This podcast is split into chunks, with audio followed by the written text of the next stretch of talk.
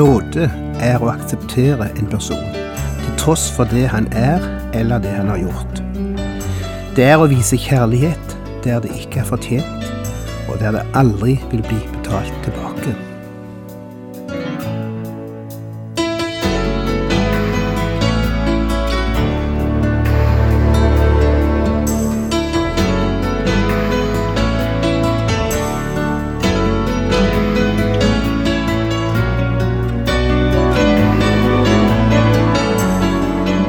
Hjertelig velkommen til et nytt program i serien Vindu mot livet.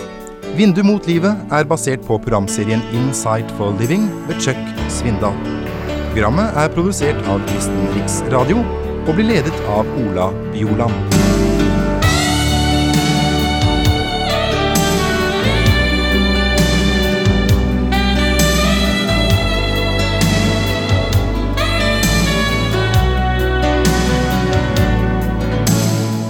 Det er ett ord som står for meg når jeg leser kapittel 9 i Andre Sames bok, og det er ordet nåde. En som heter dr. Hudson, har sagt dette om nåde. Nåde er noe som skjer mellom to personer. Det er når en gir seg selv for den andre. Det er et spesielt forhold mellom to mennesker. I en verden av mennesker som snur ryggen til hverandre, utnytter hverandre, dreper hverandre, baktaler hverandre, prøver å herske over hverandre og kontrollere hverandre. Er nåde når en person aksepterer en annen og går ham i møte med frihet og ansvar. Av og til møter vi fortellinger i Skriften i Bibelen der nåde kommer fram på en så nydelig måte at du kanskje ganske enkelt ikke glemmer det. Det er det som skjer i denne fortellingen om David. Det er etter min mening den beste illustrasjonen på nåden vi kan finne i hele Gammelsementet.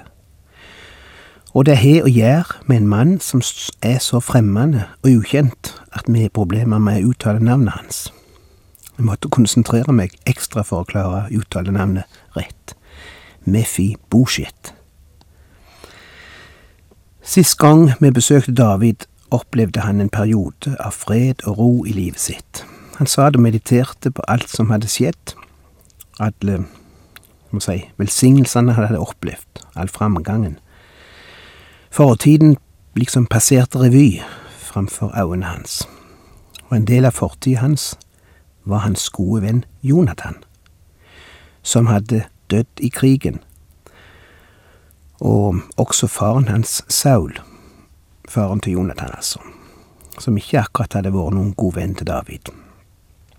Og i det hele tatt, i det han sitter og tenker, så kommer han på et løfte som han hadde avlagt en gang. Og så sier han her i vers 1 i kapittel 9, Mon tro om det ennå er noen igjen av Sauls ett. Da vil jeg vise godhet mot ham, for Jonathans skyld. Det er ord som er oversett med godhet her i grunnteksten. Um, kunne vært mye sterkere uttrykt enn det som kommer fram i norskoversettelsen. Det er mye dypere egentlig enn godhet. Jeg vil heller oversette det med barmhjertighet, eller rett og slett nåde.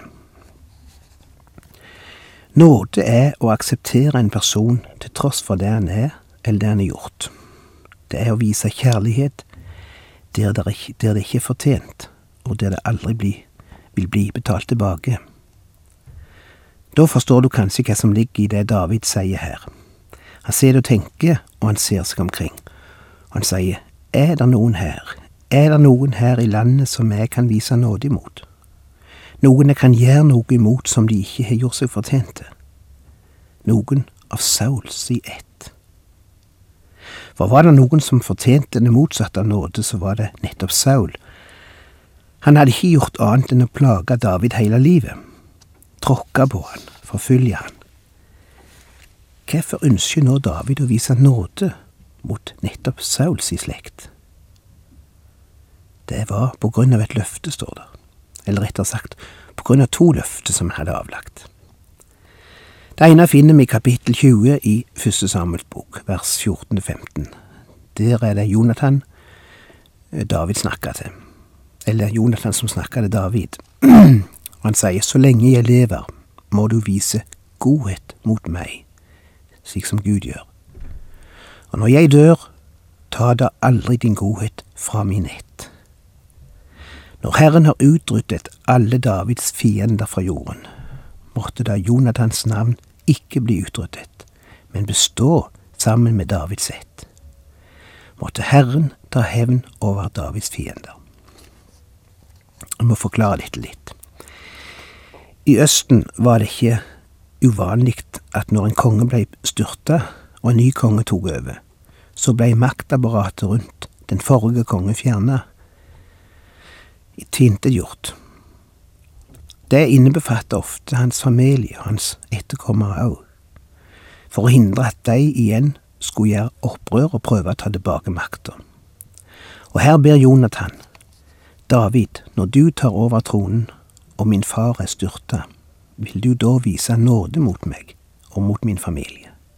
Vil du spare våre liv?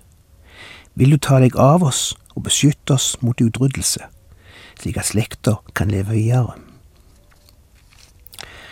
Og i kapittel 24 vers 22-23 ser vi at David avgir det samme løftet til Saul, far til Jonathan altså.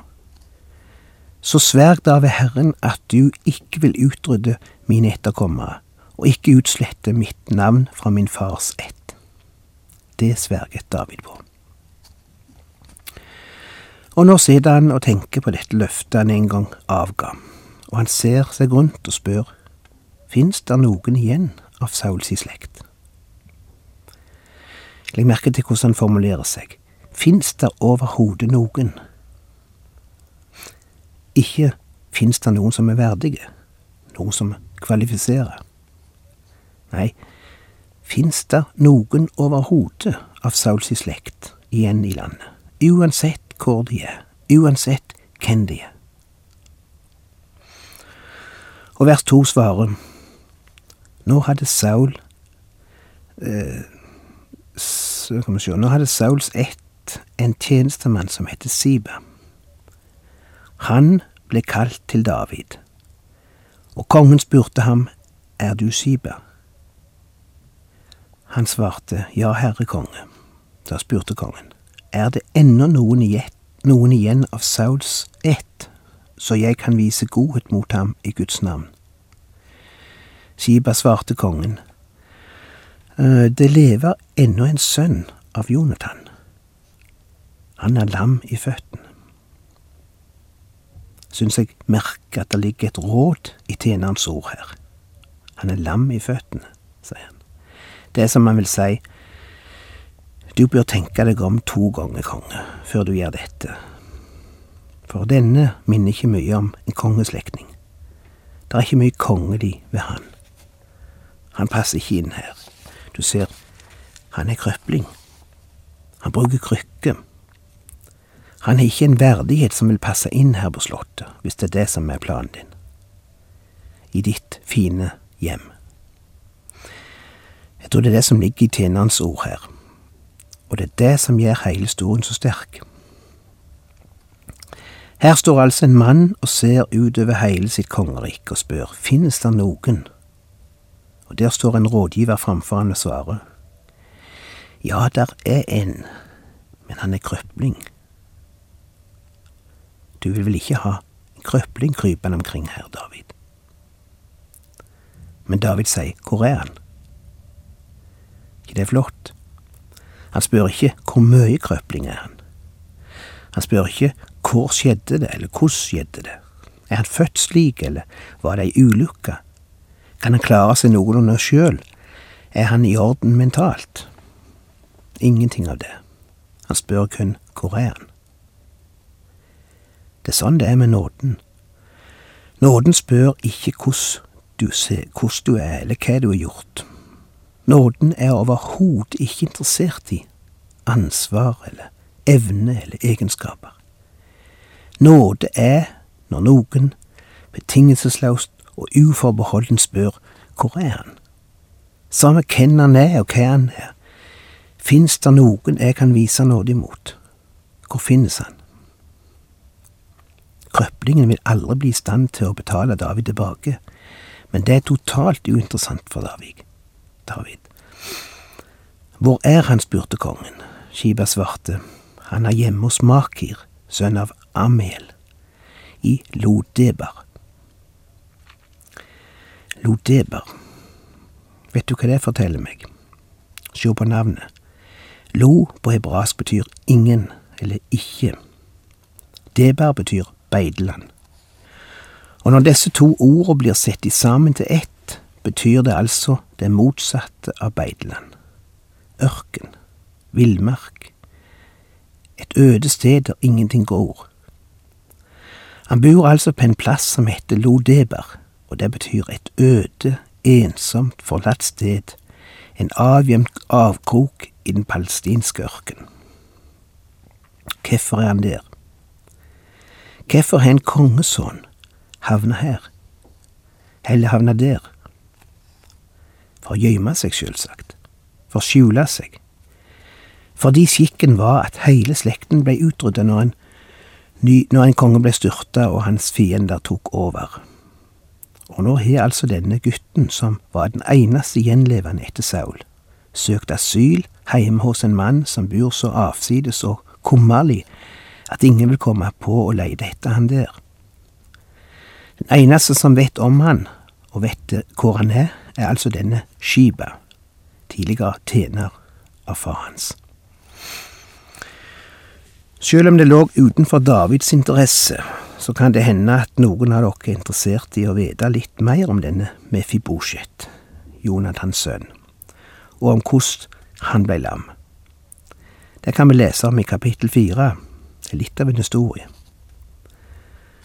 Saul sin sønn Jonathan hadde en sønn som var lam i føttene. Han var fem år gammel da ulykkesmeldingen om Saul og Jonathan, no, Jonathan kom fra Israel. Fostermoren tok ham med seg og flyktet, men i hastverket under flukten falt han ned og ble lam. Han het Mefibosjet. Det er altså nådd en melding fram til slottet om at kong Saul og sønnen Jonathan har falt i krigen. Og hun som steller den vesle gutten, forstår at nå er det slutt for dem. Og i et desperat forsøk på å berge guttens liv, tar hun han med seg og flykter. Flykter ut i ørkenen med han. På veien tumler hun og dette, og mussebarn, som antagelig brekker nakken eller noe sånt, kanskje det var hodet han skada. Iallfall blir han lam, men hun kommer iallfall unna, og så ender han altså opp her i, eller der ute i Lodeber, som det heter. Og nå er han blitt voksen, og han har en liten sønn sjøl som heter Mika. Men fortsatt holder han seg i skjul, altså, og det siste han kan tenke seg i livet, er å få besøk av en utsending for kong David. Jeg kan tenke meg at det har vært hans store mareritt hele denne tida i landflyktighet. At han en dag skal våkne opp og se soldater for slottet stående på trappa det huset der han er leieboer. Men akkurat det er det som skjer denne dagen. Mange års mareritt er blitt virkelighet. Vers fem. Da sendte kong David bud og hentet ham hjemme hos Makir, sønn av Amiel, i Lodeber. De står der på trappa og banker på døra, og døra blir åpna, og og du kan tenke deg for et sjokk det må være for han, der han står og ser inn i soldatenes ansikt og hører de si, Kongen har sendt oss for å hente deg. Jeg syns jeg ser det så levende for meg. Vel, det var det. Jeg har jo venta på det hele tida. Jeg får være takknemlig for de åra jeg fikk, tross alt. Så leser vi videre i vers seks. Da Mefibosjet, sønn av Jonathan og sønnesønn av Saul, kom til David, kastet han seg ned med ansiktet mot jorden. David sa, Mefibosjet.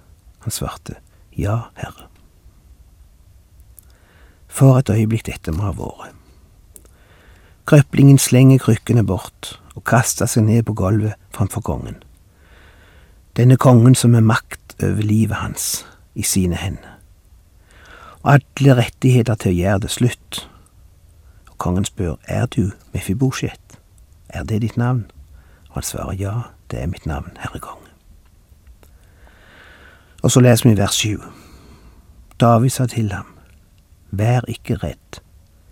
Jeg vil vise godhet mot deg, for din far Jonathans skyld.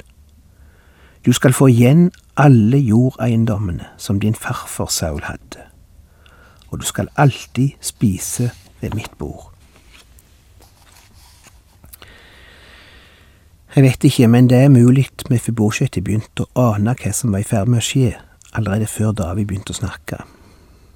Kanskje han følte atmosfæren, at det var noe godt som skulle møte han.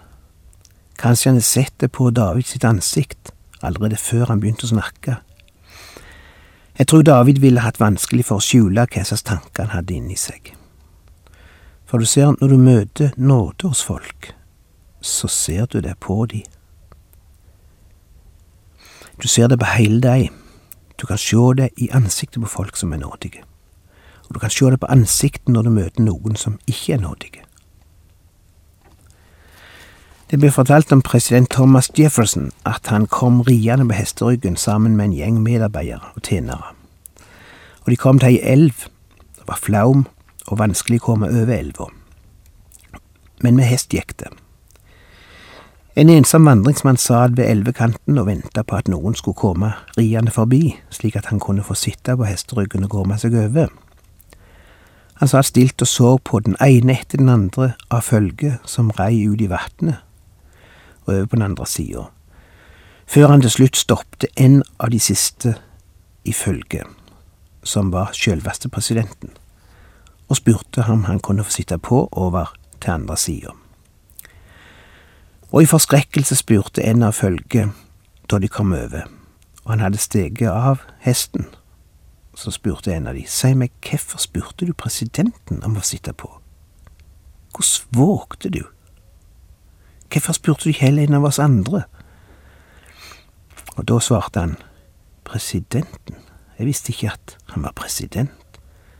Alt jeg så var at på noen ansikter sto der skrevet et nei, og på andre ansikter sto der skrevet et ja. Og denne hadde et ja-ansikt, derfor våget jeg å spørre han. Jeg tror det sto eller står et stort ja skrevet over Davids ansikt der han står nå. Nådige mennesker har ja-ansikt. Og han ser på han og sier, Min venn, du skal slippe å frykte. Du skal få en plass som du aldri har hatt før. Du skal fra nå av sitte ved mitt bord og være som en av mine sønner.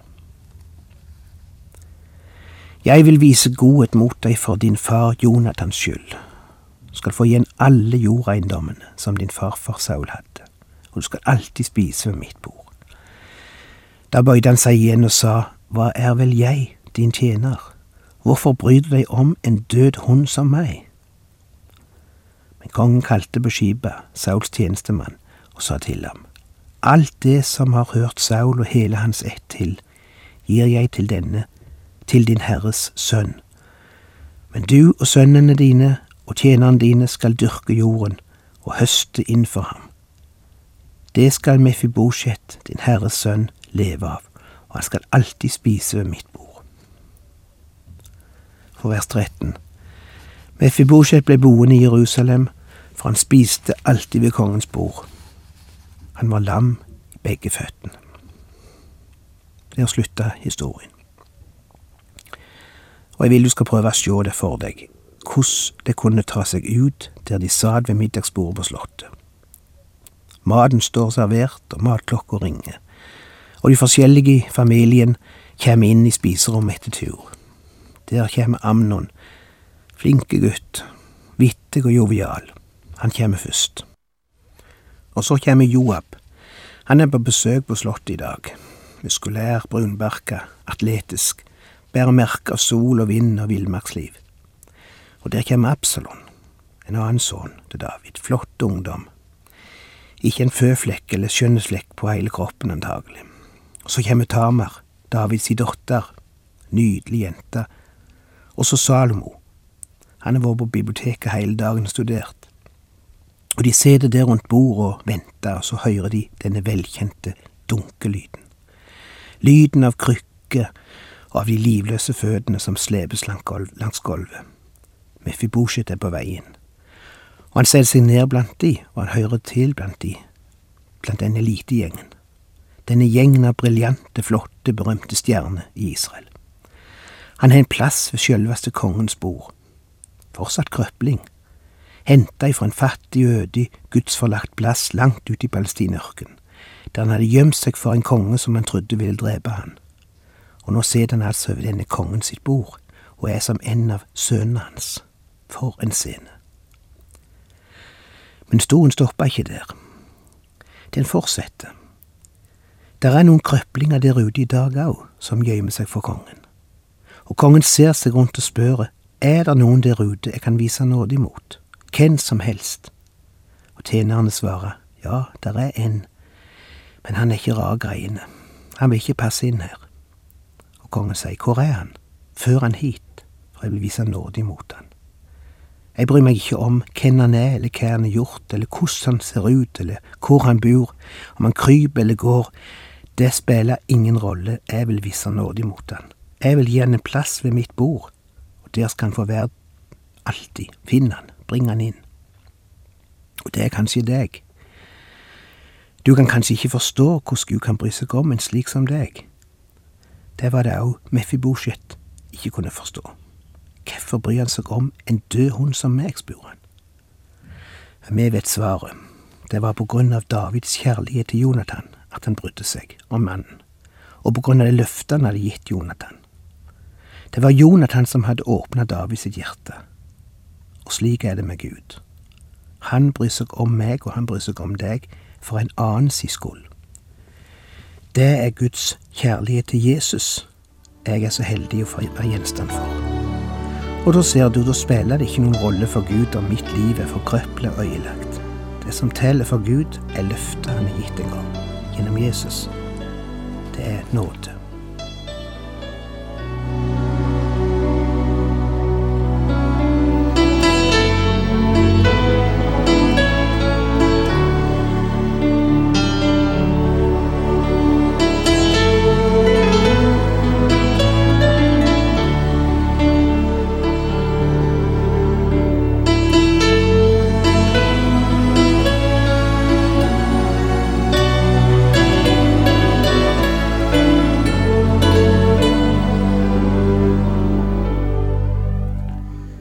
Har lytta til Ola Bjoland i serien 'Vindu mot livet' fra Kristen Riksradios arkiv.